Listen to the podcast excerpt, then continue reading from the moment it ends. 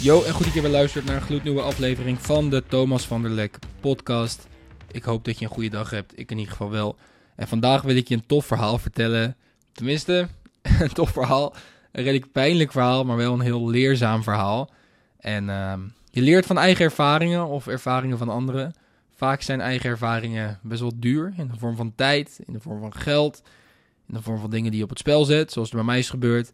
Maar ik ga je vandaag een verhaal vertellen, zodat jij dat niet hoeft te doen. Dus jij bent heel slim, je luistert namelijk deze podcast, dus je leert van mijn fouten.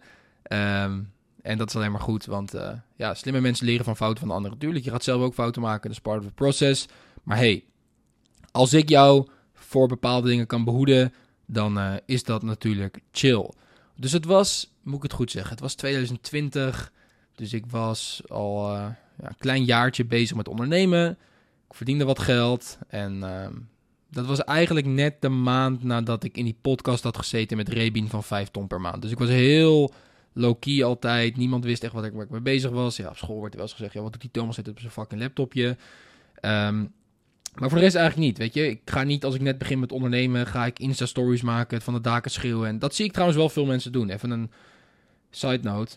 Waarom, als jij je business aan het starten bent, je bent erop aan het focussen, moet je dingen posten op social media? Focus gewoon alsjeblieft op jezelf. Verwijder gewoon je, je, je TikTok en shit, weet je. Je hoeft het niet of aan mensen te laten zien.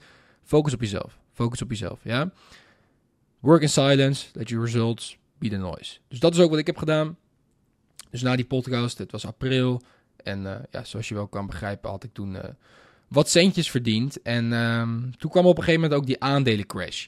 Dus ik weet niet of je dat weet, maar ergens begin april of eind maart 2020 kwam een aandelencrash. En ik had altijd geleerd van ja, je moet investeren in assets. Je moet investeren in assets. Dus ik dacht, nou, als ik een keer moet investeren in assets, dan wil ik het nu gaan doen. En um, ik was aan het kijken naar Tesla. Ik had meerdere mensen binnen mijn netwerk die goede verhalen over Tesla hadden verteld. Ik had zelf echt de ballenverstand van aandelen. Maar ik dacht, oké, het geld op mijn bank houden, dat moet ik in ieder geval niet doen. Zo slim was ik dan wel. Dus ik kijk naar die aandelen. En Tesla was gekelderd, maar ging hard.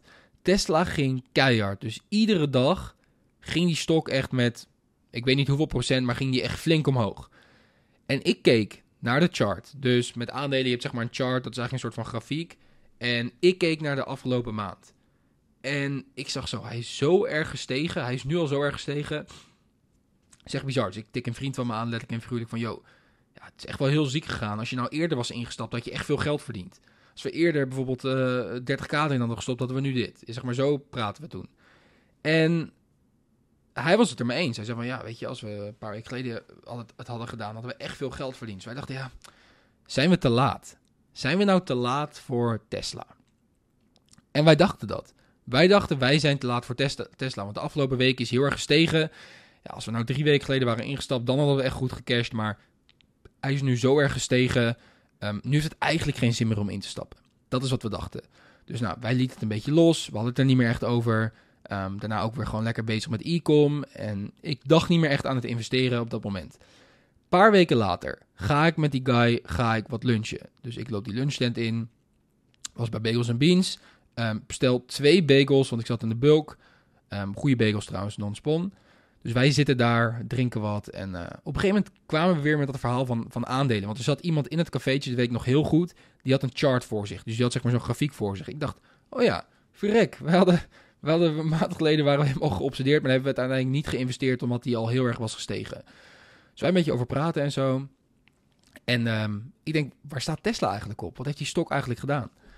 Dus ik open mijn iPhone en daar heb je ook een uh, zit een standaard app op je telefoon die heet iets van aandelen of stocks. Ligt eraan of je iPhone Engels of Nederlands is geïnstalleerd. Dus ik kijk erop. Ik denk, what the fuck, ouwe? Heb je het gezien? Wij zeggen, wat heb je gezien? Tesla is nog veel en veel harder gegaan. Ik weet nu niet precies de exacte statistieken. Als je een beetje in aandelen zit, weet je waarschijnlijk wel waar ik het over heb. Ook al zit je niet in aandelen, heb je er nog nooit van gehoord. Don't worry, het gaat even om de story van het verhaal. En ik ga er zo een belangrijke les aan koppelen. Ik denk, hij is nog veel verder gestegen. Dus vanaf het moment dat wij dachten dat het eigenlijk geen zin meer had, omdat die zorg was gestegen, dat was echt pas het begin. En toen heb ik wel geïnvesteerd. Want ik dacht, ik ga niet twee keer dezelfde fout maken. En nu, een paar jaar later, is het echt, echt heel ziek gegaan. Ik kan niet exact de eh, rendementen nu zo benoemen uit mijn hoofd. Maar ja, het is echt hard gegaan. Wacht, ik kan het wel even opzoeken. Het is nou, 2020.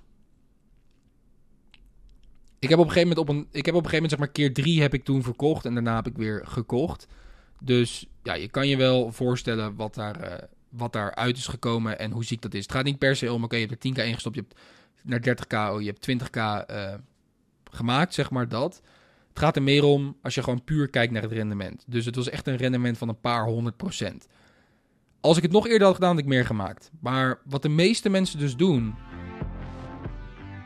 Yo guys, heel kort. Als je bij jezelf nagaat hoe jij deze podcast hebt gevonden, is het waarschijnlijk iemand die erover heeft verteld, je het ergens voorbij zag komen of iemand het deelde op social media. Ik deel natuurlijk gratis al mijn verhalen, fouten en tips die ik de afgelopen jaren heb geleerd tijdens het ondernemerschap en het rondreizen van de wereld. De enige manier hoe deze podcast groeit is door mond op mond. Ik run dan ook geen advertenties of betaalde sponsorships op deze podcast. Mijn enige vraag is om in blijk van waardering deze podcast met iemand te delen. Dit kan zijn in de vorm van een aflevering door te sturen naar een vriend of de podcast te delen op social media. Ga het doen, het betekent heel veel voor me. En je krijgt een stukje goede karma, omdat je een andere Dream Chaser een handje verder helpt. Terug naar de podcast. Dus wij zaten daar, oké, belangrijke les geleerd. Wat de meeste mensen doen, die zien dat iets heel hard gaat. En die denken, het heeft geen zin meer. Waarom? Ze kijken alleen, net als ik, naar de afgelopen weken. Dus ze kijken alleen naar de afgelopen weken. Denk zo, het groeit nu wel heel hard.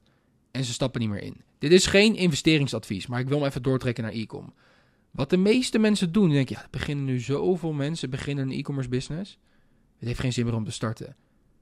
Maar als je uitzoomt, dus in plaats van dat je met je small-minded copy kijkt naar het afgelopen jaar, zoom even uit. Waar gaat de e-commerce markt heen? Ja, in de afgelopen paar jaar zijn er veel mensen gestart.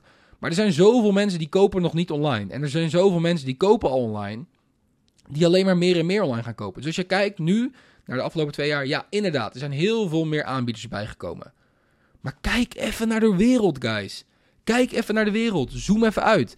Waar staan we over vijf jaar? Waar staan we over tien jaar? Dat online shoppen staat echt nog maar in de kinderschoenen. Maar omdat je alleen maar kijkt naar nu. En oh ja, nu starten er veel mensen. Ik zie nu veel filmpjes op Instagram. Ik zie nu veel filmpjes op TikTok. Kan dat nog wel? Zoom even uit, man. Zoom even uit. Of vrouw.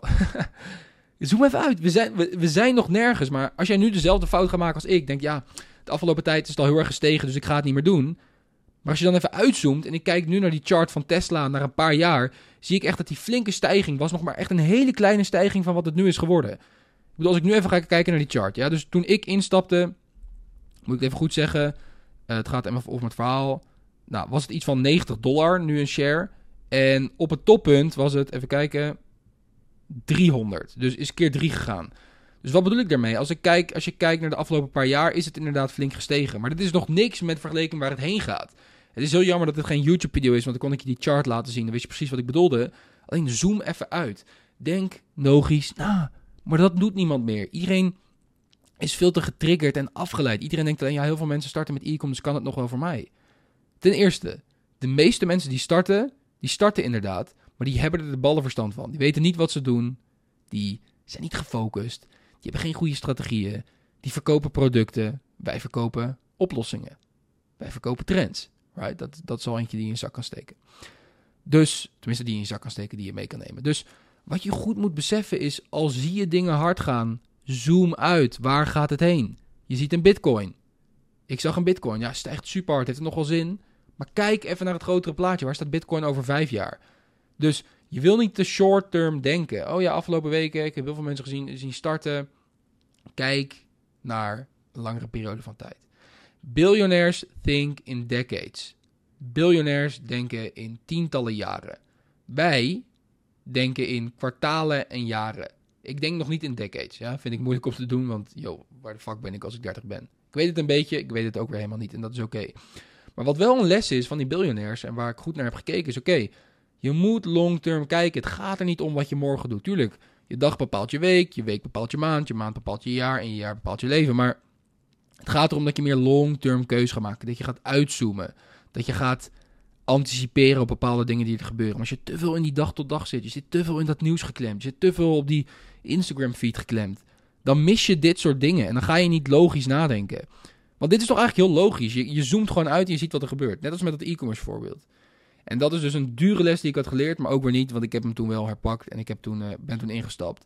nogmaals, het is geen investeringsadvies. En of je nou Tesla koopt of niet, moet je lekker zelf weten. Ik zou totdat je een cashflow business hebt die je minimaal 10k winst per maand oplevert, sowieso niet echt investeren in de aandelen. Ik zou investeren in één aandelenfonds. En dat is de, in plaats van de SP 500, de 500 grootste bedrijven, is het de SME 500. Die uitspraak vertelde Hormozy een keer. En dat vind ik een hele goede van, yo, investeer gewoon in jezelf. Daar is het rendement het allerhoogst op. En dan weet je sowieso dat het er dubbel en dwars uitkomt. Ik heb nog nooit spijt gehad van een investering in mezelf. Nog nooit. Echt nog nooit.